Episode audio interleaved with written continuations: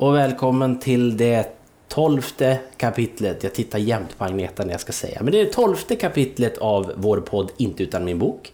Och det är med mig, Magnus Ståhlberg. Och med mig, Agneta Barle. Och i gäststolen idag sitter... Ann-Britt Åsebol.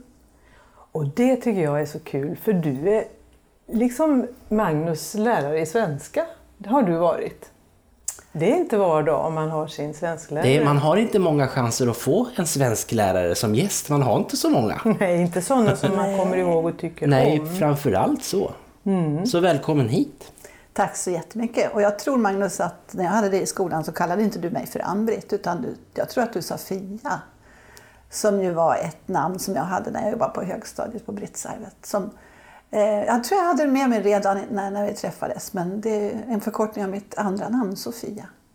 För det, exakt, för det tror jag, den frågan kom nog aldrig upp. Varför vi sa Fia, för det kändes så ologiskt. Det finns Mm. ingen koppling till Ann-Britt. Är det bara just i skolsammanhang som du heter Fia? Nej, jag tror att det var eh, lite lätt. Så här är det nog med dubbelnamn. Eh, att det, det, man kommer inte ihåg. Vad var det nu? Ann-Britt, Ann-Marie, Ann-Sofie. Eh, har ingen enklare namn. Eh, och så var det någon som visste att jag hette Sofia också. Sen har det hängt med. Så det hänger med fortfarande faktiskt. Mm. Men som sagt, du är inte svensklärare längre. Du, eh, för oss andra är du ju en känd moderat politiker. Där du sitter i riksdagen. Eller hur? Ja, men eh, jag har mitt hjärta kvar i skolan. För det, eh, jag trivdes jättebra som, som lärare. Jag hade ju som sagt var trevliga elever som Magnus och andra. Eh, och jag tycker fortfarande att jag vill följa med vad som händer i skolan. Så att eh, mitt hjärta finns fortfarande där. Och så tack vare att jag nu har barnbarn som har börjat i skolan så, så lever jag fortfarande en del i skolans värld. Men eh, någonstans eh, på 90-talet så tyckte jag att jag ville pröva på något annat. Och, eh, kände att skolan blev lite trång och jag hade lite tankar och idéer om hur jag ville vidareutveckla skolan. Men eh, det fungerade inte just där jag var då. Så att då blev jag politiker. Dock inte då i skolsammanhang utan jag började som politiker i landstinget. Och sen var jag tillbaka till skolan och var med och startade Falu gymnasium. Och sen eh, när jag egentligen borde ha pensionerat mig så blev jag politiker igen och då på riksplanet som riksdagsledamot. Så det är min bakgrund. Okej. Att du just blev svensklärare. Varför valde du svenskan? Eh, Jo, men det beror nog på att jag alltid har tyckt om alltså, svenska språket som sig, men också väldigt mycket att läsa, litteratur. Eh, egentligen utbildade jag mig först till mellanstadielärare. Eh, och då ska man ju ha väldigt många ämnen. Men jag tyckte ganska snart att, eh, att kasta sig från matte ena lektionen till samhällskunskap, till svenska, till man hade musik och gymnastik också som mellanstadielärare. Det, var lite för mycket. Kändes, det kändes lite för brett. Så att eh, när jag fick tillfälle så vidareutbildade jag mig och tog en, en magisterexamen i svenska och engelska. Så att det var det som jag kom att mest känna, eller jobba med. Som, Mm, du undervisade under som det. mina, under mina år som lärare. Idag, nu innan du kom hit upp i tornet, så hade du varit på landstinget. Var det så? Hade ni möte Ja, där? ja. Mm. ja. Nej, Jag har ett förtroendeuppdrag i landstinget som jag tycker är väldigt roligt. Och det är att jag är verksamhetsrevisor eh, i landstinget Dalarna. Och det är ett, ett, som sagt ett förtroendeuppdrag där vi tittar, vi revisorer tittar på hur verksamheten ser ut och gör granskningar utav och förslag till naturligtvis hur man kan förbättra olika saker inom landstinget. Då har du väldigt olika sorters dagar. Ja, det kan man verkligen säga. För mitt riksdagsarbete är ju tre dagar i Stockholm. Så eh, antingen så åker jag ner på måndag kväll eller på tisdag morgon till riksdagen. Och så är det riksdag med utskott och möten och eh, voteringar, alltså röstningar fram till torsdag kväll. Och då tar jag tåget hem och så är jag hemma fredag, lördag, söndag, måndag. Och då är det meningen att jag ska vara ute i verksamheten som det heter. Att jag ska vara ute i länet eftersom jag är vald då för Moderaterna för, för hela Dalarna. Så det betyder att ena dagen kan jag vara i Avesta och nästa dag kan jag vara i Idre eller i Malung eller vad det nu kan vara för någonting. Och följa olika sorters verksamhet eller hålla mig ajour kan man väl säga över hur det ser ut i länet mm. på olika sätt. Reser du mycket med tåg och så? Eller? Ja, absolut. Ja. Det, eh, tåget är, och buss. Glöm inte bort att vi har bra bussar i Dalarna. Eh, var tionde minut så går det buss mellan Falun och Borlänge så där behöver man inte ha bil. Eh, och, eh, så att det är alltid tåg till Stockholm och sen mycket buss i mm. Dalarna. Mm. Men, men i Tällaställen kommer man ju inte utan bilen är ju också ett måste. Faktiskt. Mm, mm. Jag ser framför mig hur du sitter där på tåget, bussen och läser oavbrutet. Men då läser du antar jag en massa promemorior och annat. Är det så? Ja, Agneta, det är faktiskt rätt. Och, eh, när jag börjar fundera på hur mycket jag läser annan litteratur idag så är ju det är väldigt lite mot vad jag brukar göra. För det är mycket att läsa in och speciellt eftersom jag sitter i socialutskottet och socialutskottet är ett brett utskott som har hand om frågor som rör hälso och sjukvård, socialtjänst, funktionshinder, eh, tandlä, eh, tandvård, eh, ja, väldigt, väldigt brett. Eh, så vi har mycket att läsa i, i, i, utskottet. Och till exempel till imorgon så vet jag att jag måste läsa 400 sidor kring en ny ett nytt förslag till en ny funktionshinderpolitik. Så att, ja, då gäller det att man vet hur man ska läsa också. Det också. Du måste ju tillägna dig en särskild sorts lästeknik på det viset. Ja, mm. det måste man ju göra för att eh, vi får handlingarna tre, fyra dagar innan vi ska ha eh, utskottet. Så att det är klart att eh, jag har inte så väldigt lång tid på mig att ta in de här sidorna. Men, så att eh, visst, man får en viss teknik av att ta in texten. Men när började du läsa av egen kraft? Då? När, kommer du ihåg det? Ja, eh, jag fick ju börja tänka efter. Jag, när man börjar bli så gammal som jag så får man tänka, hur var det där egentligen när jag var liten? Eh, och då, då, min minnesbild blev då så här att eh, jag, bodde, jag är uppvuxen i Södertälje mm. eh, som då på den tiden var en, en väldigt liten småstad. Och, eh, I ett hyreshus där vi var ett antal flickor som lekte tillsammans. En av flickornas mamma hade, eh, en av flickornas mammas var lärare. Så att det blev väldigt mycket att leka skola. Mm. och de här flickorna som jag lekte med de var ett par år äldre än vad jag var. Så att när jag var så fyra år då började vi leka skola. Och, och jag tror att det var där det började, att jag började liksom lära mig att läsa. Så att jag vet att jag, när jag var sex så kunde jag läsa. Det vet jag. Det var helt enkelt nödvändigt för dig? Ja, det var det nog. Om jag skulle hänga med de här äldre flickorna så, så var det nödvändigt att jag läste. Ja. Kommer du ihåg någon bok då? Eh, ja, det var också lite speciellt. För eh, som sagt, Södertälje på den här tiden, nu pratar jag om 50-tal, det var ju en väldigt liten stad på den tiden. Och, eh, eh, vi gick i söndagsskolan i Svenska kyrkan. Och eh, det var så här att eh, de här söndagarna så, så, gick vi iväg vid det här tjejgänget. Och vi fick eh, naturligtvis det man gör i söndagsskolan, vi lyssnade på berättelser. Men sen efter söndagsskolan så, så var det så att eh, det fanns ett rum där i kyrkan som var bibliotek. Eh, och där lånade vi böcker. Så där vet jag att mm, vi plockade hem böcker och mm. läste. Och det är klart att i början så var det eh, mycket Astrid Lindgren naturligtvis. Eh, eh, alla de former, alltifrån Pippi men, men väldigt snart Kalle Blomqvist. För Kalle Blomqvist var en, en idol där. Eh, sen kom det en film med Kalle Blomqvist mm. och en jättesöt Rasmus i den här filmen som alla flickor på 50-talet var väldigt förtjusta i. Och inom parentes kan vi väl säga att den här Rasmus hade bott i Falun och eh, Just. Eskil Dalenius och han var läkare på, på lasarettet. Eh, så att eh, ja, våra vägar korsades igen i Stenslund slätta.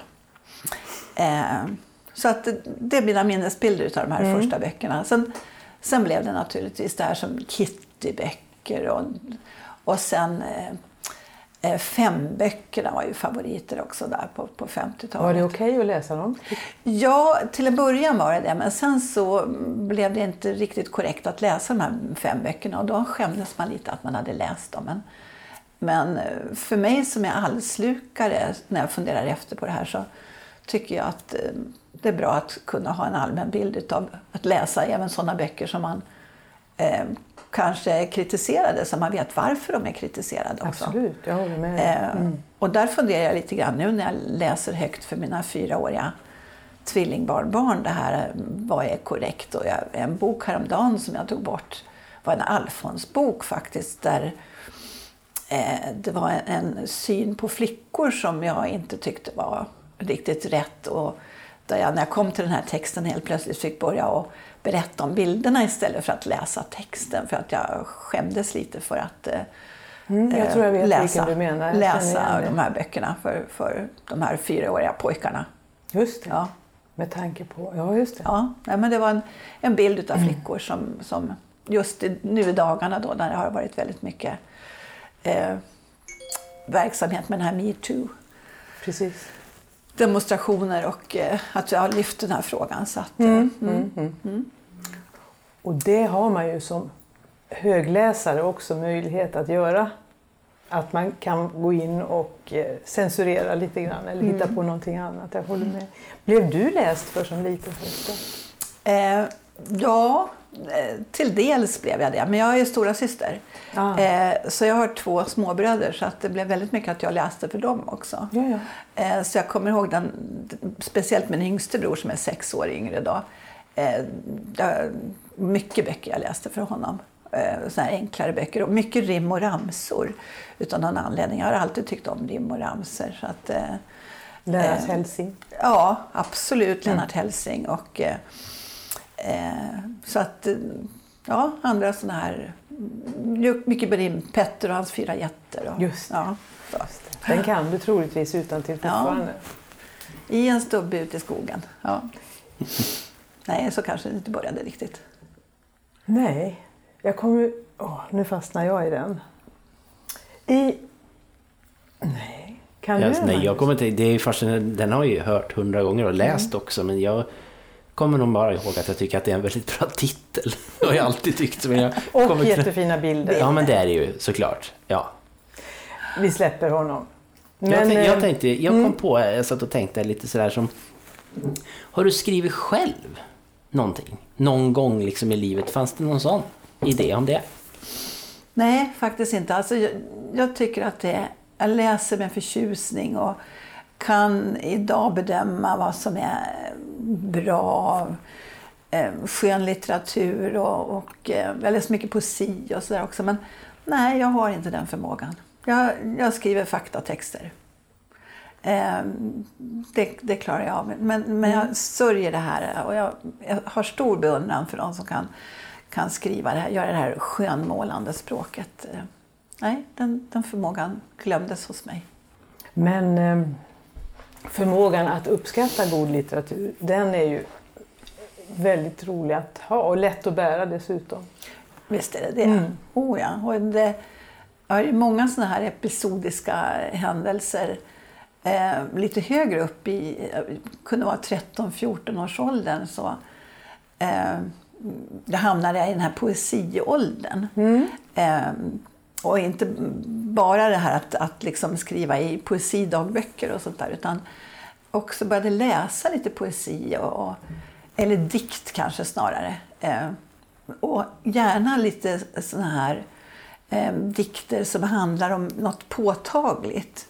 Eh, gärna samhällsunderfundigt. Och, och då kom jag över en författare, mm, 1700-talsförfattarinna, Anna Maria Lenngren som blev en av mina stora favoriter under många år. Mm. Och, eh, hennes dikter då, som är ju samhällssatirer kom att prägla mig väldigt mycket och som jag har funderat på efteråt. Sen, så här, var det kanske där som mitt samhällsintresse väcktes? Att jag, eh, jag vill veta hur samhället hänger ihop och hur vi har haft historien. För att jag tror att vet vi inte hur vi har haft historien så kan vi inte heller se hur vi har haft det i, i eh, eller vill ha det i framtiden. Så att, eh, där har jag en favorit. Mm. Och, och det är när grevinnan eh, sitter och eh, berättar om sina förfäder och samtalar i nåd med sin piga.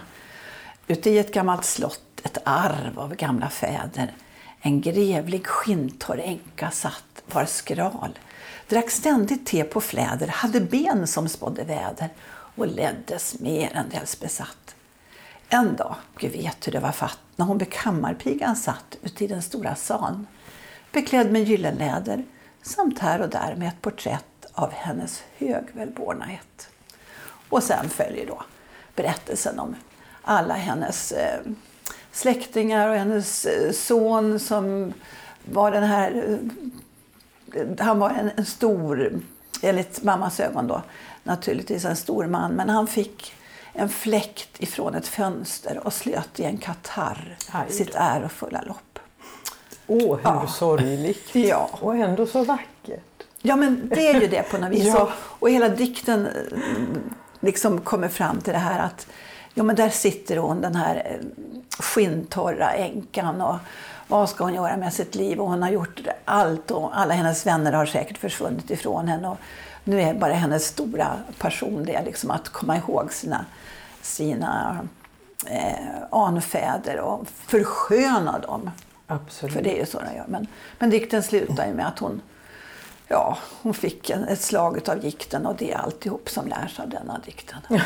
så att, ja. Den är så fin. ja, den är jättefin. Och det är så, jag menar, detta är en 1700-talspoet och hon, det måste ju vara, hon var ganska ensam när hon skrev detta. Det Jo, är men, fantastiskt. men det är ju det hon var. Hon var ju skollärardotter och Mm. hon, fick ju inte, hon fick ju ingen undervisning som kvinna på 1700-talet. var det ju inte den undervisningen Nej. som hon ville ha. Hon kunde säkert brodera och sy och sticka och så. Men, Och föra sig väl. Ja, Mm. men, men det var ju inte någon bildlig eh, undervisning hon fick. Men hon, hon satt ju under katedern när hennes pappa undervisade Mm. skolpojkarna i Uppsala. Så på det viset så fick hon sin bildning ändå. Mm. Så fick hon, först naturligtvis i början så publicerades hon under, under Pseudonym. pseudonym då med, med ett mansnamn. Mm. så blev hon i alla fall. Har du fortsatt att läsa poesi? Absolut. Har du någon uh, nutida favorit? Eh, Nej, inte- så där som jag kan. Det här, hon är väldigt fascinerande för mig och, jag har lärt mig flera av hennes eh, dikter en gång i tiden när de sitter. Men idag är det mer så här att jag, eh, de här hänger ihop på något vis och, och de berättar en, en historia. Eh, och jag vill gärna ha en historia. Jag är nog lite realist på det viset att jag vill ha det. Så jag, jag saknar egentligen den här nutida poesins... Eh, eh, där har jag inte fastnat för någon. Jag, jag läser den men jag har inte fastnat för någon sån där som, som... Och jag funderar på om det är att, att de inte är så här realistiska som den här 1700-tals... Som för Dikten. berättelsen framåt Ja, hela ja. tiden? Ja, just det. För det gör de ju inte. Mm. Magnus, kommer du ihåg när din fröken läste den här Lenngren för er? Nej, det minns jag inte. Men jag, jag kan känna att jag borde. Alltså om... Kan du ha gjort det, tror du? Ja, det tror jag. För jag tycker att det borde jag. Jag har kommit ihåg. Liksom, man ändras ju. Men jag, jag, det- sånt där, vissa saker fastnade ju. Men jag minns inte det här. Men jag kände ju att det borde kunna fastna. Nej, men, men sen var man ju, som sagt, Du hade fjor, gärna 14 lite på år. Ja. Då har man annat i huvudet när man är 14. Många gånger. Ja, men... men ehm, Och jag kanske inte läste den heller. Vi, vi höll på med mycket annat. Så att det, Men försökte du få dessa 14-15-åringar att fatta hur bra det faktiskt är att läsa böcker? Ja, eh, nu är det ju det här några år sedan. Eh, men jag vill, jag vill ändå påstå att vi hade en timme i veckan där vi satt och läste. Eh, för det tror jag alltså, är någonting som jag tycker är väldigt viktigt. att eh, Dels ska jag som lärare kunna fascinera, eller jag ska kunna väcka intresse för, för det här med läsning, men också att man får tid att läsa. För det är många som inte har den här tiden, eller tar sig den tiden, eh, efter skoltid. Så att jag, jag vill tro att vi hade en, en timme läsning, tyst läsning då, Okej. där var och en fick välja den bok man ville och så, och så läste man den här boken. Och så skulle man säkert redogöra för den på något vis och, och så också. Nej, men det, ja, det minns jag därför att det, det var ju en tydlig skillnad när man... Eh, eh, vi hade ju lektioner tillsammans i alltså högstadiet 7 till 9, årskurs 7 till 9 och det var ju ett, när man går från mellanstadiet upp till högstadiet, där hände ju någonting. För vi läste ju inte själva speciellt mycket på låg och mellanstadiet. Så det blev ju något nytt att man läste och så blev det lite annat, och, ja, annat man läste men det kommer jag ihåg för som sagt det var en stor skillnad. En helt annan sak, när du nu läser någonting annat än promemorior, lånar du böcker eller köper du dem? Det kan vara väldigt var- varierande. Jag är, bra på att köpa såna här fyra, fyra böcker för tre. F- Ta fyra och betala för tre. Eh, men också eh, det här... Eh, jag vill gärna ha input från andra. Så här, vad har du läst och vad har varit bra och så.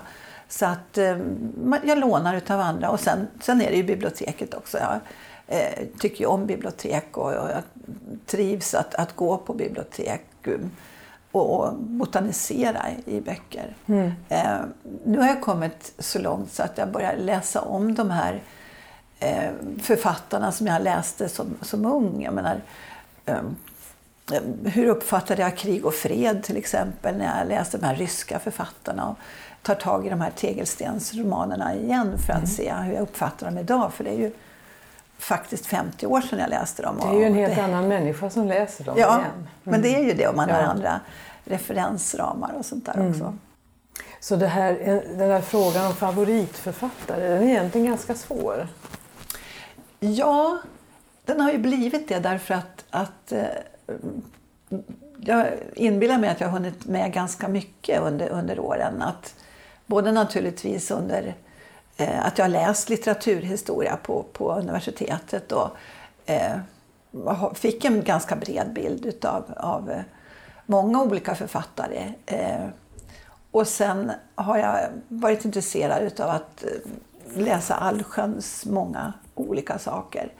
Eh, som, alltså både, både att läsa de här ryska författarna eller de svenska författare. Alltså både 1880-talsförfattare, 90-talsförfattare och eh, arbetarförfattarna. För jag gillar realistiska historier.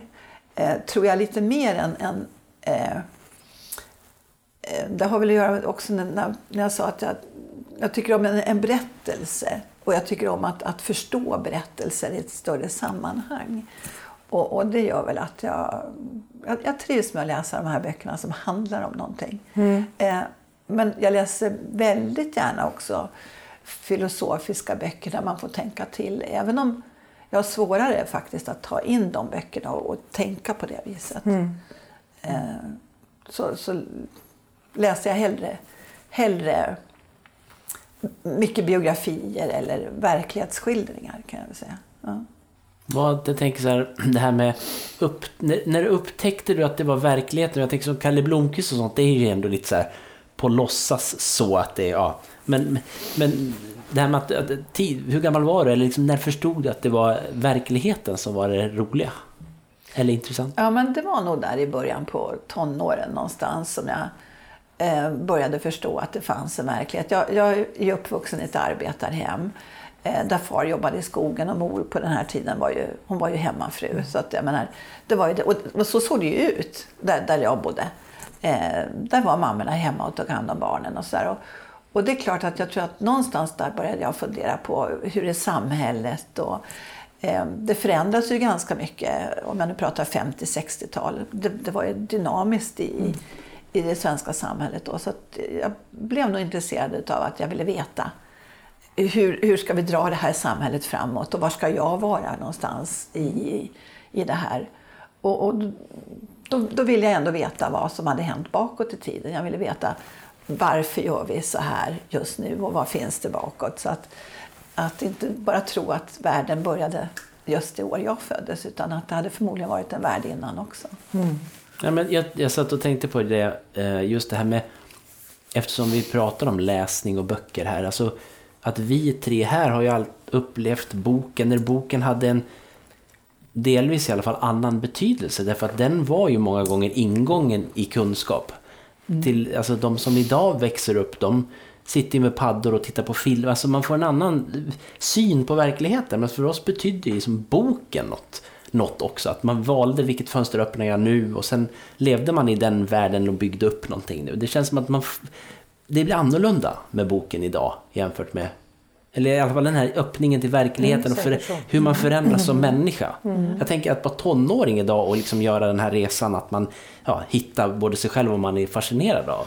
Den, den måste ju se annorlunda ut fast behovet fortfarande finns. Men boken, tänker jag, spelar inte riktigt samma roll där. kan vara så. Det är väl ytterligare ett fönster du kan öppna på det viset. Mm. Men jag, jag ser just den här samlade mängden böcker som någon sorts oändligt fantastiskt hav som jag kan dyka ner i oavbrutet och kommer upp med en ny historia hela tiden. Och det tycker jag, det är det som, och det är så vilsamt och glädjefyllt att tänka på det tycker jag. Jag har alltid en kompis med mig också. Det finns alltid en bok på G liksom. Så det, ja, det är en trygghet. En lite snuttefilt också kanske. Jag vet inte.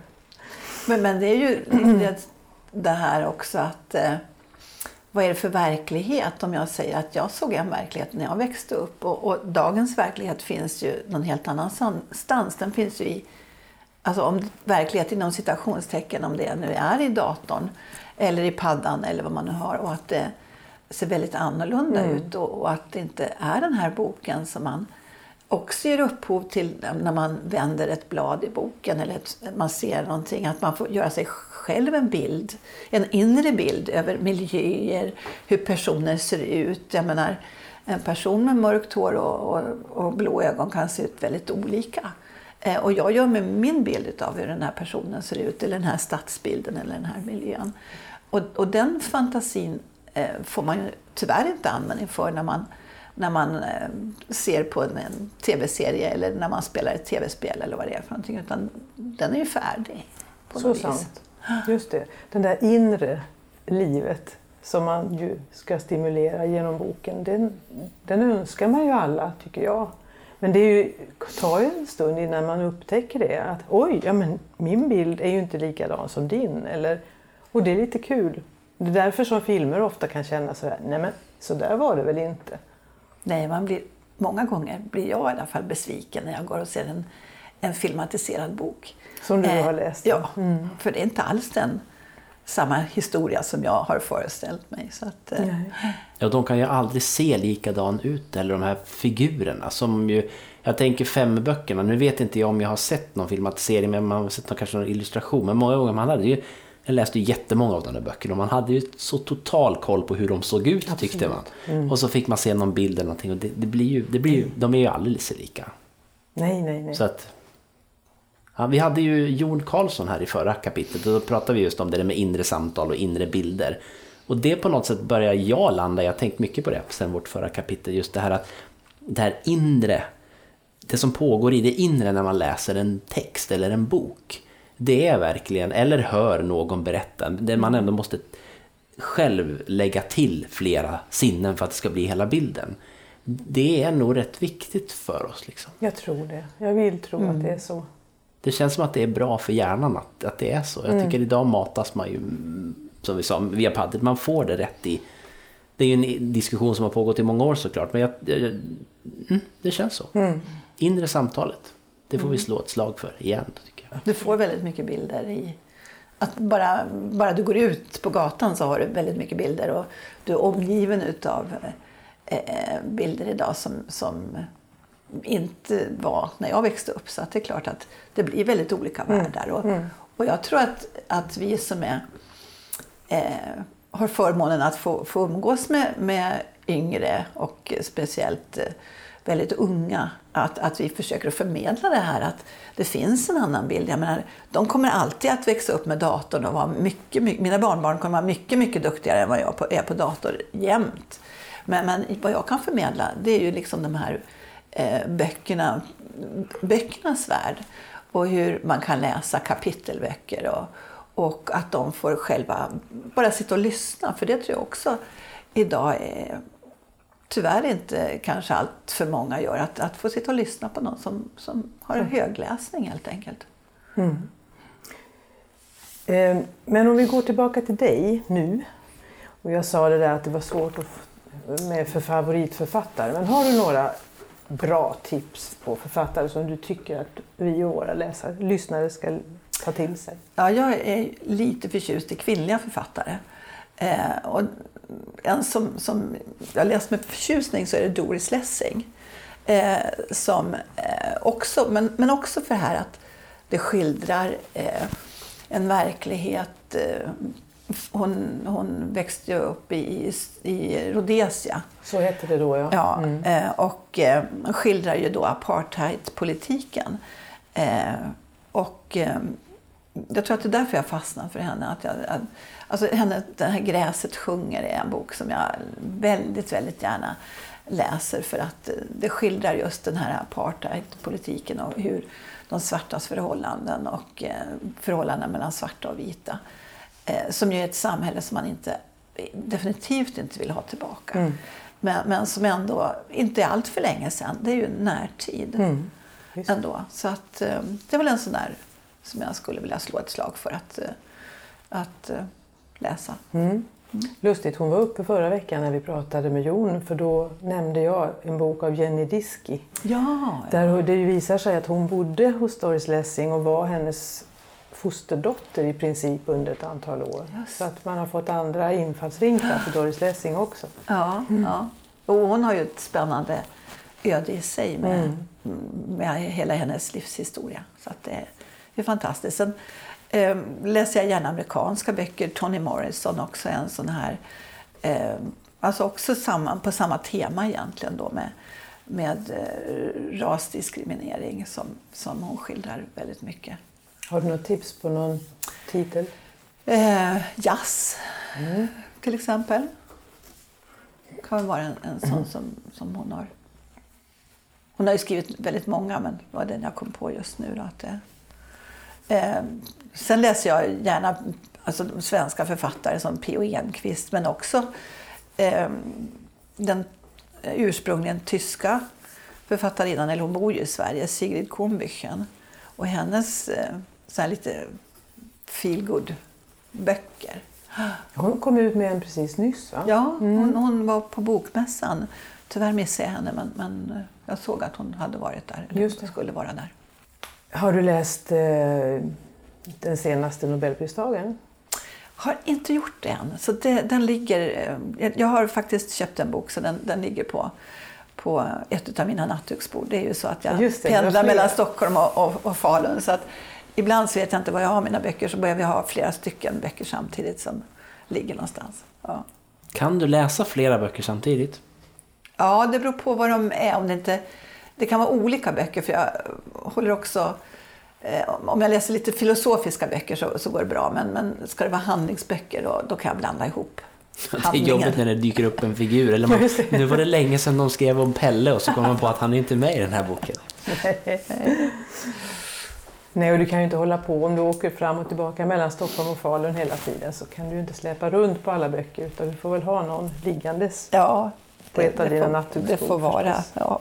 Och, och tåget ner på tisdagarna, eller, eh, de, de, då är det bara att läsa handlingar. Utan man kan, man kan eh,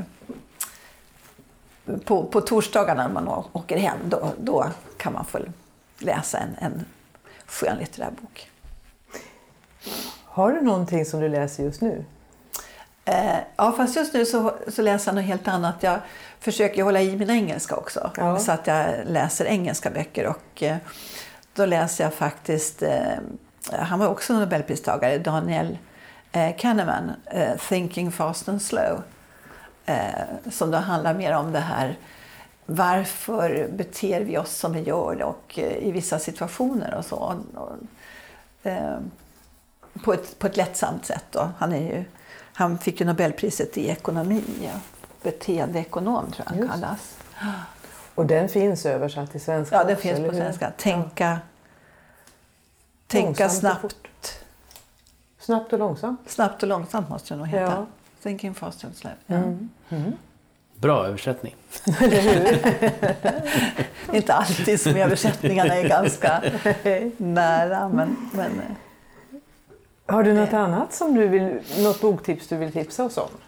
Alltså jag, jag, jag gillar ju de här svenska, det låter kanske lite eh, upprepning, men, men de här svenska serierna med, med eh, verklighetsskildringar. Som jag, eh, alltså Per-Anders Fogelström är ju en sån här eh, författare som är väldigt lätt att läsa och så man får också en bild hur, hur Sverige har utvecklats under de senaste hundra åren. Mobergs Utvandrarna Alltså hela Utvandrarserien och sånt där. Att, att, eh, jag tycker att det här borde... Eh, jag, ser gärna att de här får en renässans och, och att, att man, man får med dem och också att eh, man inte bara tar de här Camilla Läckberg-historierna utan att eh, man har lite mera, lite mera substans i vad man läser. Men lite kul för att det finns en eh, kollega här i huset i brandstationen. Han är kanske mellan 35 och 40 och då berättade han just att han har målat om huset invändigt och i öronen har, i öronen har han haft just Mobergs svit och Utvandrarna och invandrarna. Han sa att han hade ett bytt sätt att uttrycka sig på. Han talade något mer ålderdomligt. han var mycket nöjd med den, med den läsningen. Och det är ju det är också så eh, det här naturligtvis att det är ju ett språk som, som är lite ålderdomligt men, men som vi också behöver ha med oss. Jag menar, språket ska utvecklas, det, det hör till. Eh, sen får man som gammal svensklärare tycka att det är jättehemskt när folk säger vart hela tiden. Men, men jag får nog börja stå ut med det för det kommer nog säkert att väldigt snart ha anammats som, som ett begrepp som vi kan använda både i betydelsen var och vart. Men, men eh, vi får inte glömma också att vi har, vi har ett, eh, ett, ett språk som vi kanske ändå behöver ha med oss en, ett tag till. Absolut. Något lärde jag mig i skolan av Fia. Och Ja. det var just det där att man ska vara rädd om språket. Och det har jag... Jag blev absolut språkpolis på grund av det.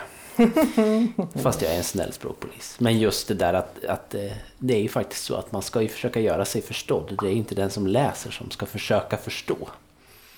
Tycker jag. Nej, då. Sen kan ju jag säga så här, du pratade för, frågade förut Magnus vem det var, om jag hade skrivit någonting. Men vad jag kommer ihåg så fan, hade jag en väldigt duktig elev som kunde skriva. Som var duktig på att, eh, som hade det här målande språket. Bor, bor han här i stan eller, Ja, jag tror eller han, hon? sitter, han, tror, han, sitter, han sitter precis mitt emot mig just nu. Nej Magnus, du hade den förmågan att kunna ha ett målande språk. Så att, det- tar jag till mig, jag som inte längre riktigt skriver så mycket som jag borde göra känner Nej, jag. men Så jag, det, du har det ju så nära. Du, delvis så lever du på det, Magnus. Ja, det gör jag. Men jag skriver, ja precis, som copywriter gör jag det, men inte som eh, hittepå på samma sätt. och sen tar jag också faktiskt det här med Fågelström. Nu ska jag komma ihåg det. För det är så många gånger genom åren som, som Fågelström har kommit upp till mig och jag har känt på att jag måste läsa. Och så försvinner det för det finns så mycket annat. Eh, nu måste jag försöka komma ihåg det den här gången. Nu få kommer tag ihåg det. Nu ska jag, det ska Jag har sagt det i dig många om. av våra kapitel att vad jag ska läsa nu. Jag har lovat mycket. Men Fågelström vill jag verkligen läsa för det, det har jag hört från så många olika håll. Och som jag- alla kan inte ha fel tänker jag där då. Tack! Ska vi, Magnus, ska vi gå över på våra boktips för ja, vad idag? spännande. Magnus, Ja, nu ska är vi det bolla du som har tillbaks. läst en ny bok idag? Tänk, det är lite kors i taket idag. Eftersom idag har jag läst en ny bok. Det har varit dåligt med det sen vi nästan började, började podda här. Men nu är det faktiskt så. Eh, eh, Jag håller på med en, en trilogi eh, som är skriven av en skotsk författare som heter Peter May. Eh, en trilogi om en eh, kriminalkommissarie som heter... Han heter något annat, men han kallas för Finn. Så det är lite roligt apropå det här med vilka namn man får. Men jag tror att han heter Finn... Han har något så konstigt namn, men han får det här smeknamnet Finn av en flicka i, i sin klass som heter Marcely. Och eh, Finn McLeod heter han, eh, kriminalkommissarien, och han eh, tvingas mer eller mindre tillbaka till sin eh, födelseort och en ö där han, han växte upp när, eh, när det inträffar ett mord. Eh, som ser väldigt snarlikt ut ett annat mord och då tänker de att, att Finn, du kan nog få ihop det här. Så då får han åka tillbaka till sin, sin ja, göra en resa till sin barndom och bland annat då möta den här Marcely som ju var en, en ungdomskärlek som inte blev något mer än det. Ehm, och det här är en det här är en väldigt, väldigt belönad och, och ja, den har fått väldigt mycket lovord den här trilogin. Du har inte sagt vad den heter. Nej, jag har inte gjort det. Den här heter Svarthuset. Det är den första då och sen heter de Louismannen och Louis-pjäserna. Och det är en trilogi, så det är inte en lång serie om en, en polis här utan vi, det är tre stycken. Och man, egentligen första halvan av den här boken Svarthuset är en väldigt lång introduktion, känner man. Det, man får ha lite tålamod, eh, som kan vara min svaga sida ibland när jag läser. Men, men jag kände att här vill jag in, därför att den här är som sagt så lovordad. Går man in och tittar på, jag tror att det var på Adlibris, så har över 300 personer bemödat sig att sätta ett betyg på den här Svarthuset och den hade snittbetyg 4. Och bara det säger att det är i alla fall en väldigt populär eh, bok och har blivit en populär författare. Så jag var väldigt nyfiken och det eh, är en... Eh, det är liksom, känns inte som en kriminalroman. I alla fall inte än. Det finns ju det här mysteriet och så vidare men i huvudsak är det än så länge en väldigt personlig bok om, ett, om män, alltså människan Finn McCloud. Han har ett väldigt knepigt äktenskap också så att när han läm, åker ifrån sin fru till den här ön så är det ungefär som att hon säger att åker du nu så då, då är jag inte kvar när du kommer tillbaks. Och de har också ett, ett gemensamt barn som har, har gått bort och det, det, hänger också lite i luften exakt vad som har hänt kring det. Så det, jag ska inte berätta mer än så, men, men det, det, det, den är så stor känner jag. Så jag, jag är väldigt nyfiken på fortsättningen i bok två och tre. Mm. Um, och, och, jag undrar om inte den här också kan komma att bli filmer och sånt där. Det känns som att det är det. Ja. man ska säga det, Peter May, innan han eh, började författa på riktigt så, så var han journalist men ville, har alltid velat skriva. Så han tog vägen via TV. Så han har i, i England, eh, BBC, skri, han har skrivit känd, där i alla fall väldigt kända serier. Okay. Massa avsnitt och mm. han har varit produktionsledare så han har liksom en botten i, i, i tv-produktion. Då. Eh, men det här är väldigt, eh, den är väldigt ja, lovordad som sagt och jag ger också höga betyg. Jag måste bara göra en reflektion när du säger det här handlar om en kriminalkommissarie som har ett sorgligt äktenskap och det är lite eländigt. Är det typiskt för manliga kriminalkommissarier? Jag tänker på Wallander, jag tänker på Jo Nesbø. Eh, du har alla de här, de har trassliga äktenskap. är det så? Jag, jag, jag tänkte precis likadant och jag kände så här, vad för då när jag, jag läser ju väldigt lite innan om en bok, utan jag tar mig an den. Eh, men när jag, här såg jag ju så mycket att det handlade återigen om en man i, i vad han nu kan vara i för ålder, men då, precis så.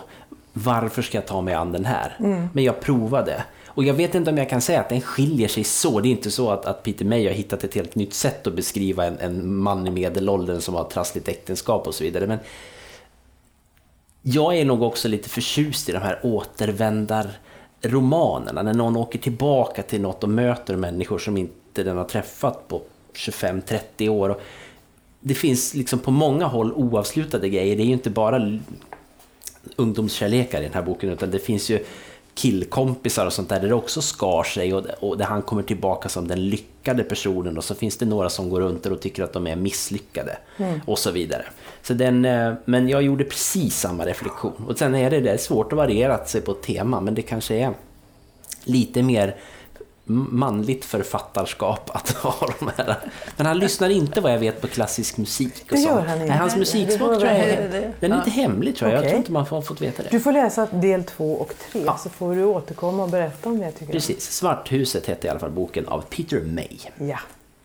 Och vet du, då ska jag ta mig an en gammal bok. För jag kände precis så här att nu har jag läst så, om så mycket elände och död och sorg. Så nu, ge mig en lycklig bok, tänkte jag.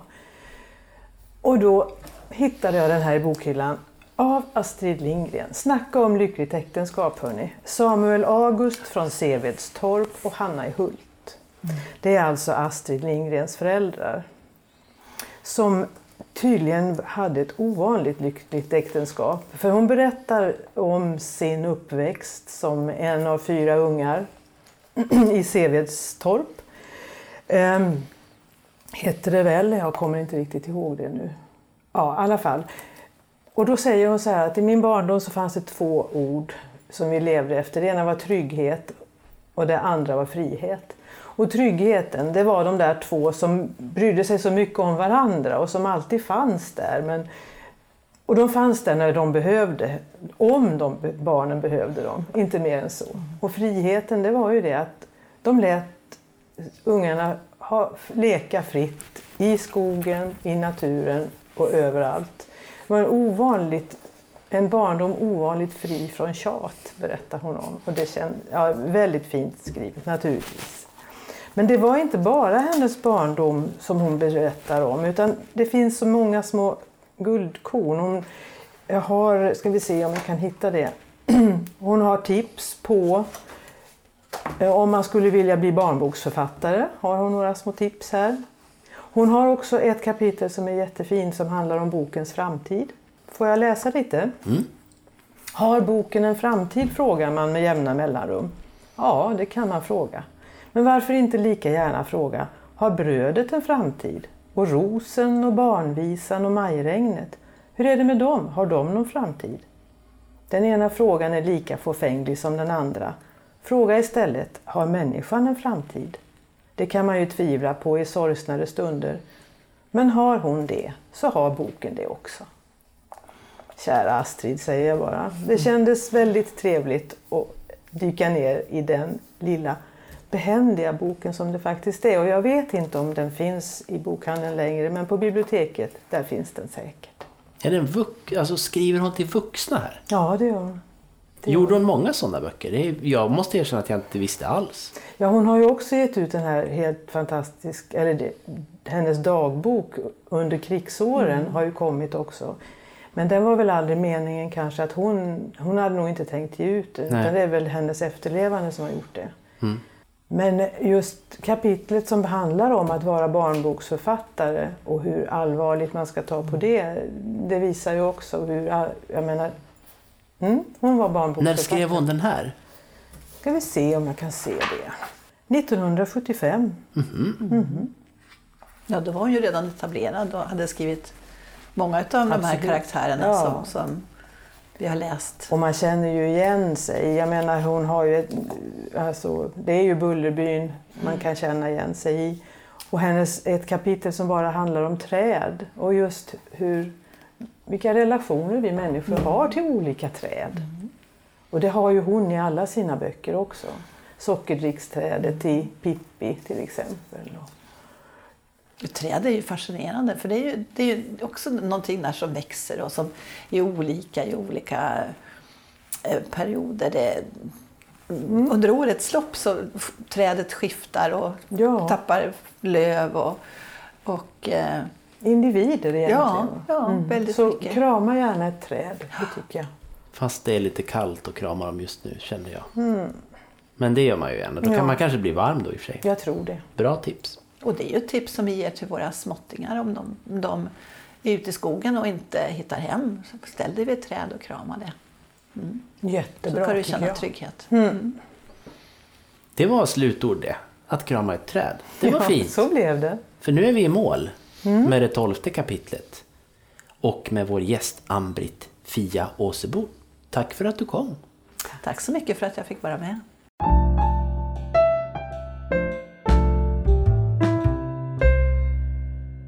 Du har lyssnat på ett avsnitt av podden Inte utan min bok som produceras av Magnus Stålberg och Agneta Bale. Mer information om avsnitten hittar du på skrattpiller.se inte utan min bok. Vi finns också på Facebook där vi heter Inte utan min bok och på Twitter också. Även där heter vi Inte utan min bok. Tack för att du lyssnade!